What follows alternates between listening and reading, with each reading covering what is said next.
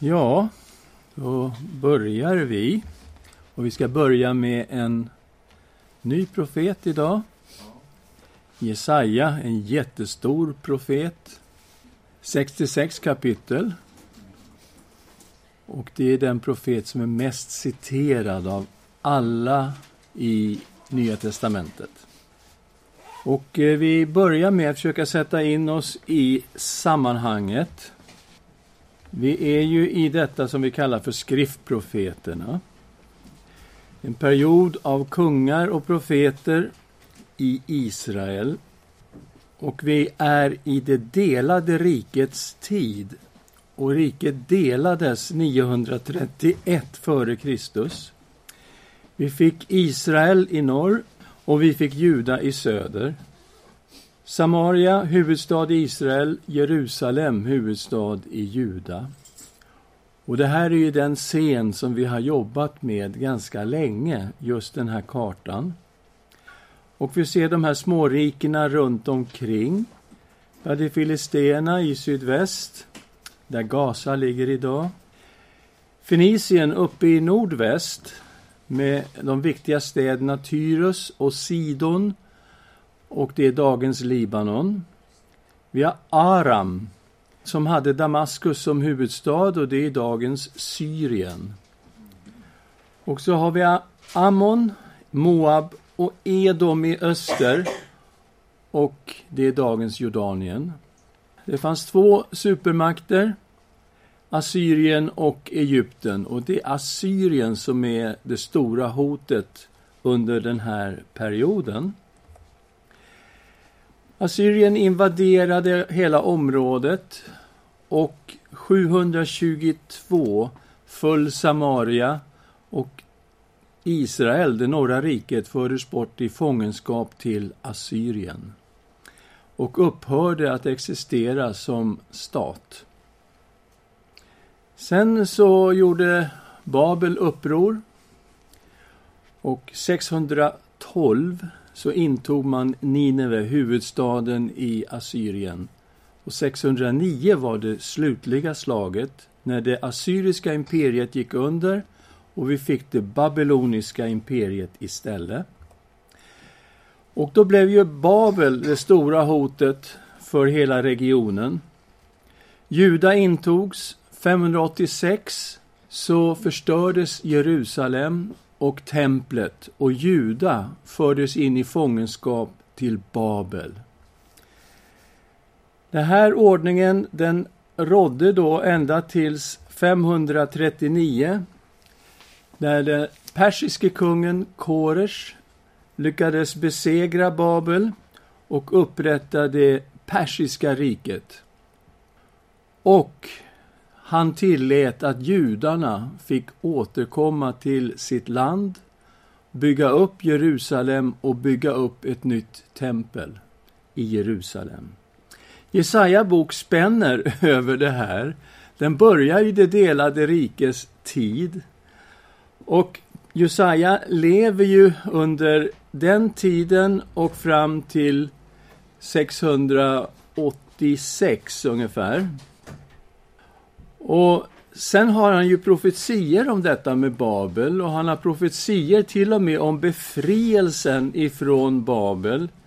Och han namnger även Koresh som kung, som är den som kommer att befria judarna ifrån Babel. Vi tittar på våra profeter igen, listan här. Vi är nere på profet nummer 6. Jesaja startar 740 f.Kr. Han är huvudsakligen sänd till Juda och Jerusalem. Men han profeterar ju förstås om Israel, det norra riket och situationen där. Han eh, profeterar om alla rikena som vi såg på kartan runt omkring. Och han profeterar om alla länderna i hela regionen faktiskt. Alla som är på något sätt berörda profeterar han emot. Och det assyriska riket då är ett rike som utbreder sig under den här tiden. Damaskus intog man 732 och Samaria, som vi sa, föll 722. Och 701 invaderades Juda av assyrierna. Och man tog i stort sett alla städer i Juda. Men Gud bevarade just Jerusalem på ett mirakulöst sätt. Och den här invasionen var 701. Och allt det här kommer vi att se i Jesaja bok. Vi kommer in i boken och vi börjar titta på dateringen. I första versen står det så här. Detta är de syner om Juda och Jerusalem som Jesaja, Amos son, såg när Ussia, Jotam, Ahas och Iskia var kungar i Juda. Ifrån kapitel 6, 1 vet vi att han blev kallad till profet det år kung Ussia dog. Och då får vi startåret på Jesaja, det är 740. Och sen har vi alla de här kungarna. Man kan säga 686, 685. Man vill gärna gå lite längre och det har att göra med traditionen. Att enligt traditionen så blev Jesaja martyr under Manasses regering väldigt tidigt. Och därför måste man in lite i den då, lägga på ett år där. Så att det är möjligt, men det är inte säkert, utan det är den judiska traditionen som säger detta. Vi har också sett att Jesaja var samtida med Mika, i stort sett under hela den här perioden. Han var delvis samtida med Hosea. Hosea slutar 725, så vi ser hela första delen där, så är ju Jesaja också samtida med Hosea. Han är ju sänd primärt till Juda, vi läste här vad Jesaja såg om Juda och Jerusalem. Men han profeterar alltså om alla rikena i regionen. Man vet inte så mycket om honom, men man antar att han kan ha kommit från en förnäm familj. För vi har den här kontakterna som man tycks ha, öppna kanaler till hovet. I 7 och 3 står det så här, och Herren sa till Jesaja, Gå nu med din son Sher Jashub och möt Ahas vid änden av övre vattendammens vattenledning. Det var kung Ahas. Han skulle liksom möta honom, man kunde prata med honom. Det fanns någon sorts förståelse mellan de här två. I 8.1 läser vi Herren sa till mig, ta en stor tavla, skriv på den med tydlig skrift Maher Shalal Hash Bas och jag kallade till mig prästen Uria och Sakarja, Jeberekas son, som pålitliga vittnen. Så han hade tillgång till människor som var liksom i den övre klassen. Och det kan ge en idé om att han kommer från en förnäm familj. Enligt judisk tradition så var han kusin med kung Ussia. Men det är sånt som vi vet inte, va? Det finns en möjlighet att Jesaja var präst och det har att göra med hans kallelse i kapitel 6. Hela scenen är satt till templet och det rum som kallades det heliga i templet. Men också en öppen förlåt där det allra heligaste finns med. Så att om han nu bara ser det här som en syn, men det verkar vara mer än så när man läser Jesaja 6. Så han kanske var präst. Varför inte? En egenhet är ju det att det finns en text hos Jesaja och Mika som är lika. Det är Mika 4, 1-5 och Jesaja 2, 2-5. Och de är ju samtida de här två. Så att det är ju någon som har lånat från någon, men vi vet ju inte åt vilket håll de har lånat, så att säga. Men de här textbitarna är nästan identiska. Den politiska situationen 735 händer någonting som är väldigt viktigt. Därför att Israel och Aram bildar en allians för att de ska kriga mot Juda. Hörde ni rätt? Israel och Aram kommer överens om att kriga mot Juda. Och det här sker 735. Och vi läser om detta i Andra Konungaboken kapitel 16, vers 5 och 6. På den tiden drog kung Resin av Aram och Peka, Remaljas son, Israels kung, upp för att erövra Jerusalem. De belägrade Ahas, men kunde inte erövra staden. Eh, vad gör då Ahas? Han är ju otroligt hårt ansatt.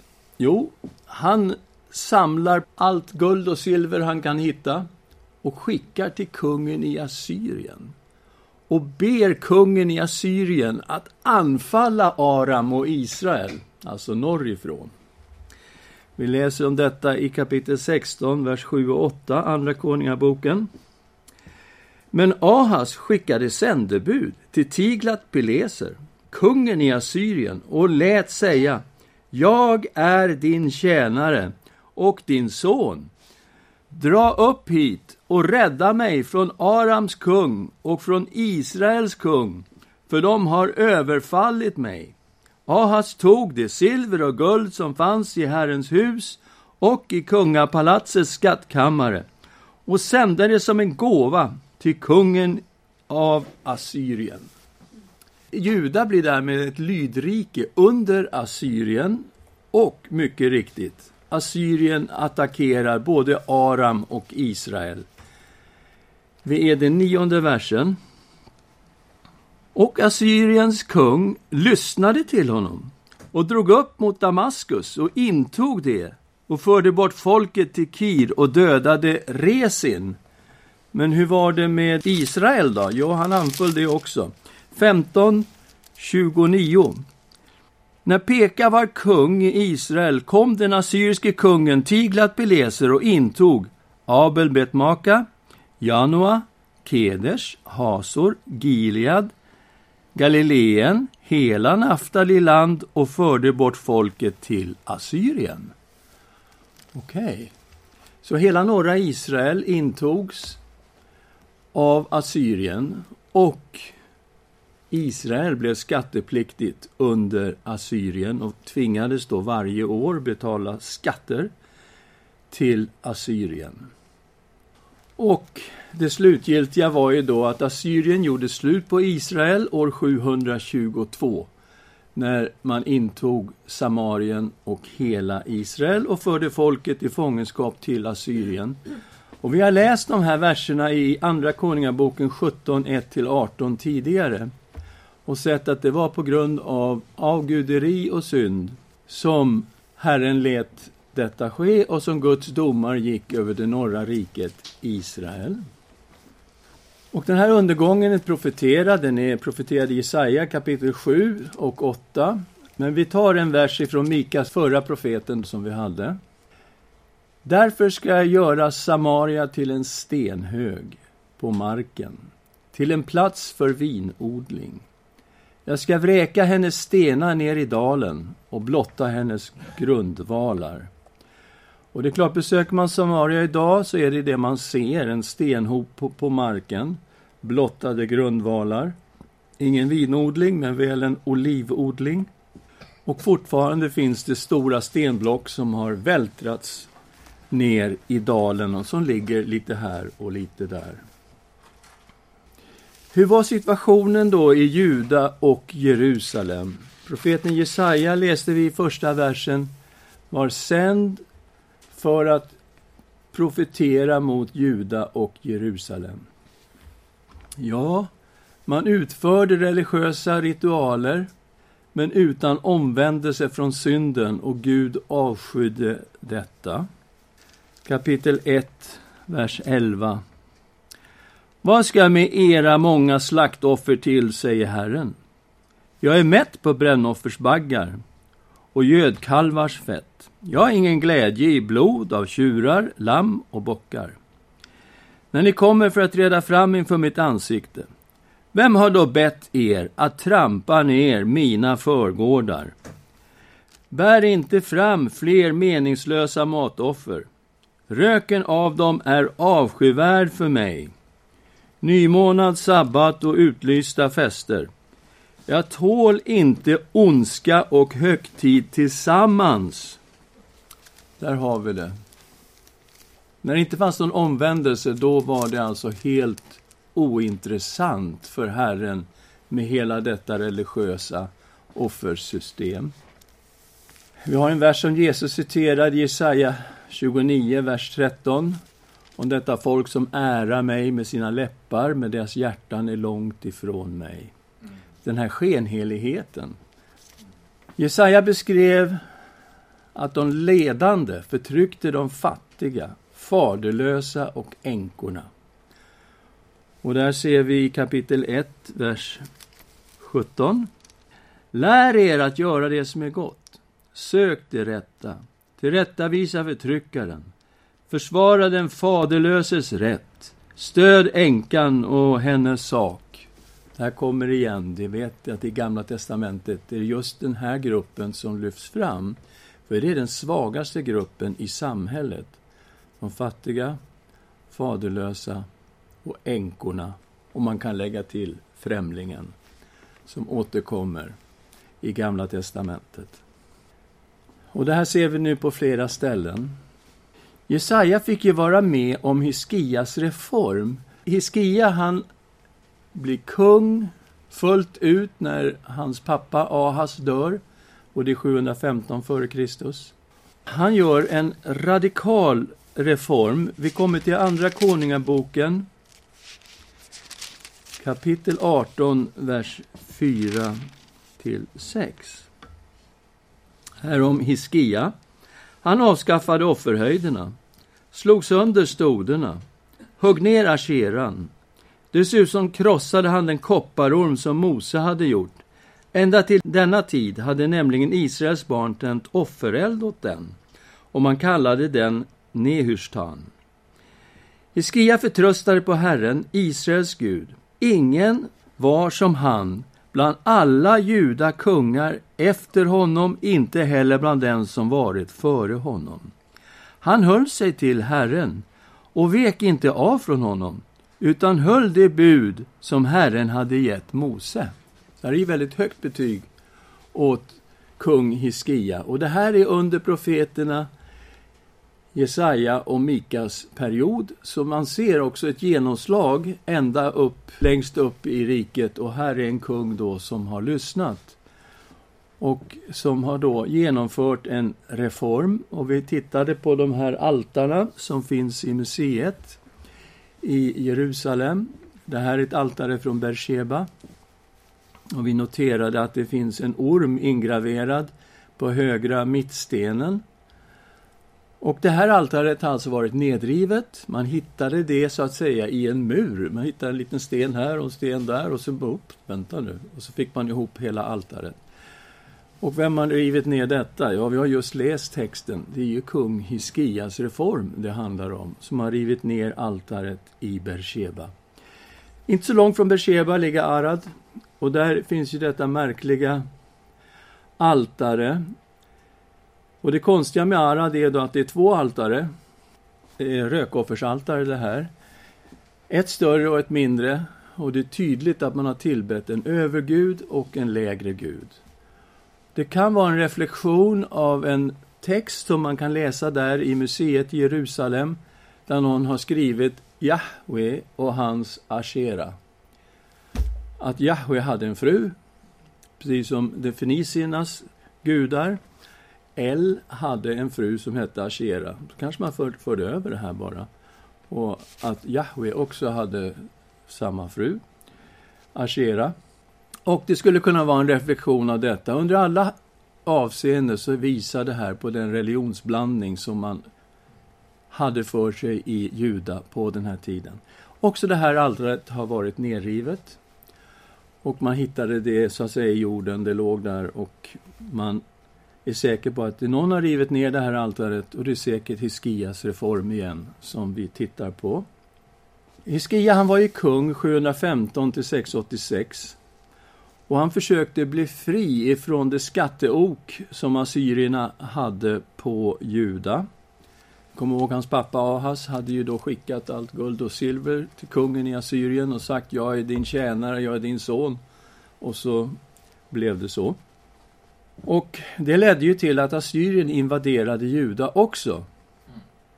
Betalar man inte sina skatter som Assyrien hade bestämt, ja, då kommer en invasion. 701 kommer de och de intar i stort sett hela Juda. Och assyrierna själva påstod att de intog 46 städer i Juda. Däremot beskyddades då Jerusalem. Det här är en, en kopia av en relief som har setat i Sanheribs palats i Nineve. Och den beskriver hur assyrierna intog Lakish. Lakish var den andra staden i Juda. Den var befäst, den var stark, den hade ett riktigt försvar. Men man lyckades inta Lakish och man förde folk i fångenskap till Assyrien och skatter och allt möjligt som man förde med sig. Och den här eh, stora reliefen den sitter ju i museet i Jerusalem också. Så Assyrien belägrade Jerusalem 701. Och det här är ju sånt som vi läser om, både i Jesaja bok men också i Andra Konungaboken 19, vers 32 till 37, hur Herren räddade eh, Jerusalem. Vad som hände var att efter att de hade intagit i stort sett hela Juda, så skickade de en jättestor här upp mot Jerusalem. Och de hade en förhandlare som hette Rabsake, som eh, försökte förmå Jerusalem att ge sig. Kungen i Skia skulle ge sig utan strid. Så de hade ju hela den här armén runt omkring och så var det då förhandlingar på gång.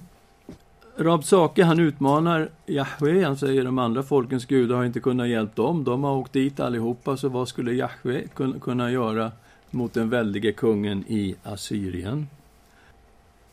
Och då tar Hiskia ett brev som har kommit ifrån eh, Rabsake och går in i Herrens hus och, och ber. Han, han lägger fram det här inför Herrens ansikte och ber att Gud ska göra ett under, därför att nu är det Gud själv som är utmanad. Och då kommer Herrens ord genom profeten Jesaja. Vad säger Gud? Därför säger Herren så om Assyriens kung. Han ska inte komma in i denna stad eller skjuta någon pil dit in. Han ska inte närma sig den bakom en sköld eller kasta upp en vall mot den. Han ska vända tillbaka samma väg som han kom. Han ska inte komma in i denna stad, säger Herren. För jag ska skydda och rädda denna stad för min och min tjänare Davids skull. Så Gud lovar att, att den här staden kommer inte att falla.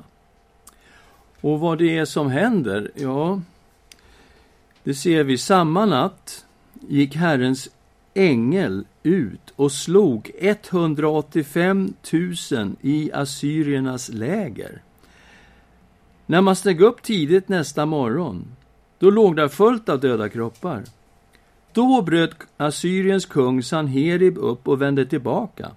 Han stannade sedan i Nineve.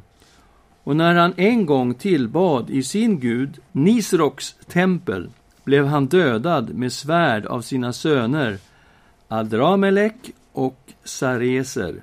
De flydde sedan till Ararats land. Hans son Esarhaddon blev kung efter honom. Så, 185 000 man slogs där utanför Jerusalem på en enda natt. Och Sanherib återvände till Assyrien. När man är i Jerusalem idag så kan man ju se lite spår av allt det här. Det står i Andra krönikeboken 32.5 att kung Hiskia förstärkte muren inför den invasion som skulle komma ifrån assyrierna. Och ni ser den här bilden på muren uppe till vänster där att det är småstenar och så lite stora stenar ibland dem där uppe på. Och det är den här tillbyggnaden som kung Hiskia lät göra. Han gav sig också på vattenförsörjningen. Därför det finns en källa i Jerusalem som heter Gihon och Gihonkällans vatten rann ut utanför staden. Så att både de som var innanför och utanför hade vatten och det var inte riktigt bra när man var under belägring. Så kung Hiskia lät göra en jättelik tunnel från Gihonkällan och byggde en damm där vattnet samlade. Det är Siloamdammen.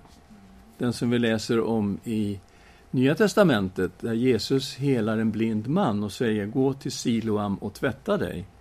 Det är den dammen. Och den här tunneln är 533 meter lång. Alltså det är ett enormt arbete att utföra detta.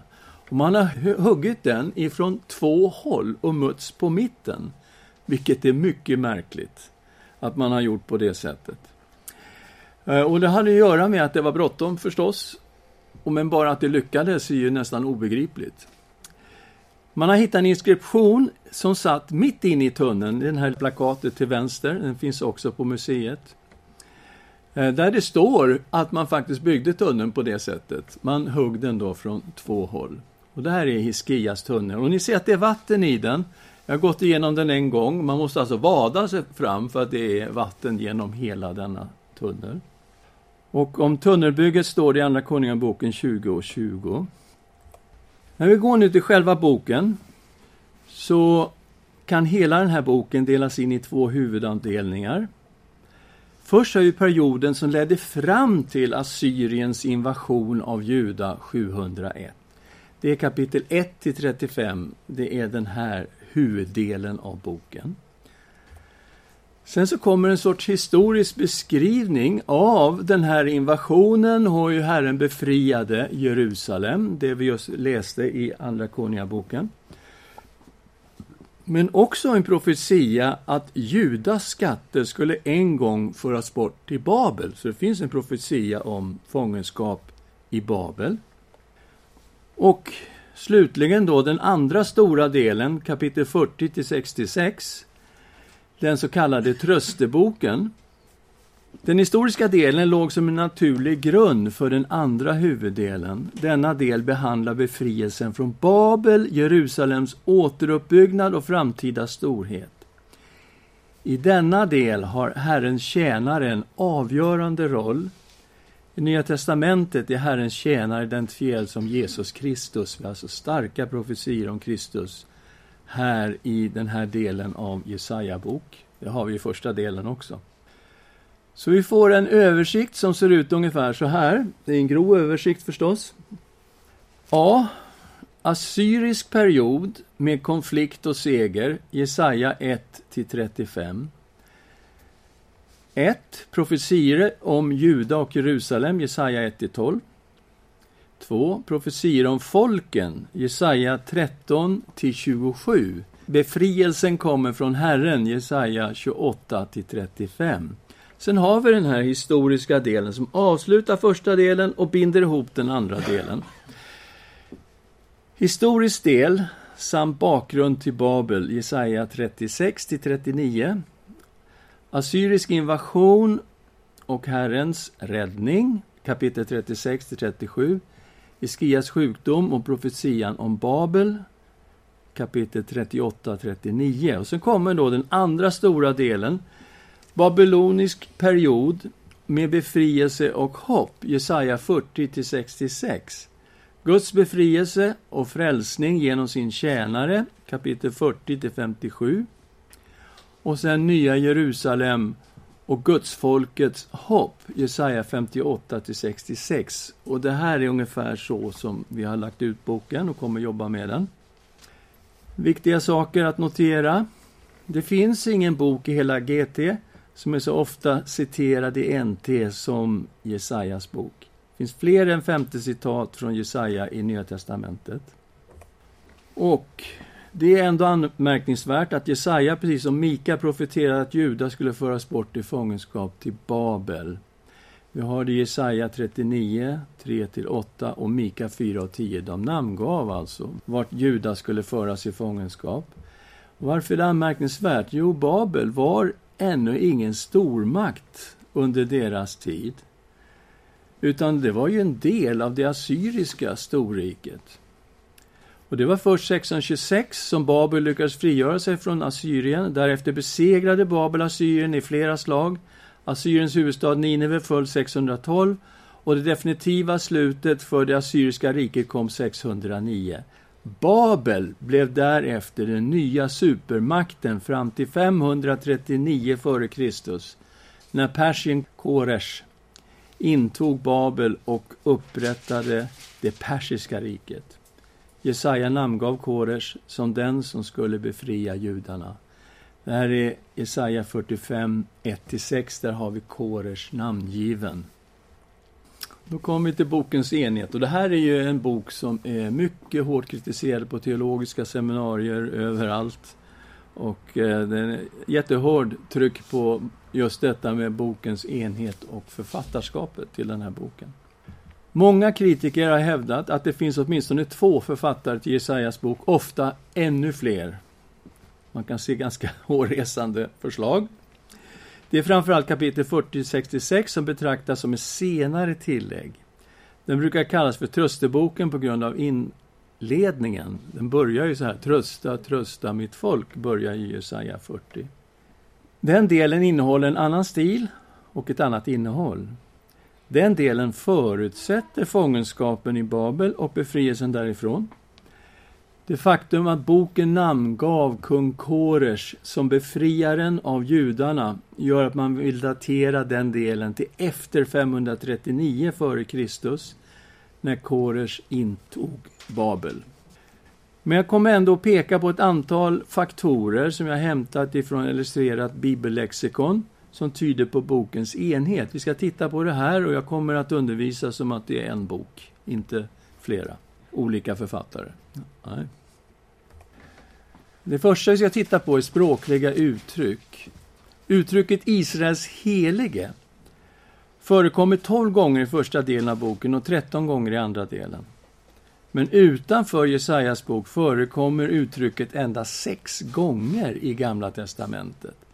Varav ett är ett citat från Jesaja. Och det är Andra Konungaboken 1922 som är ett citat ur Jesaja 37.23. Det finns också andra stora språkliga likheter mellan de här båda delarna. Man har funnit inte mindre än 70 speciella termer och fraser som är gemensamma för båda, båda delarna. Vi tittar på geografi och biologi. Ord som berör geografin i Trösteboken beskrev snarare geografin i Juda än i Babylon.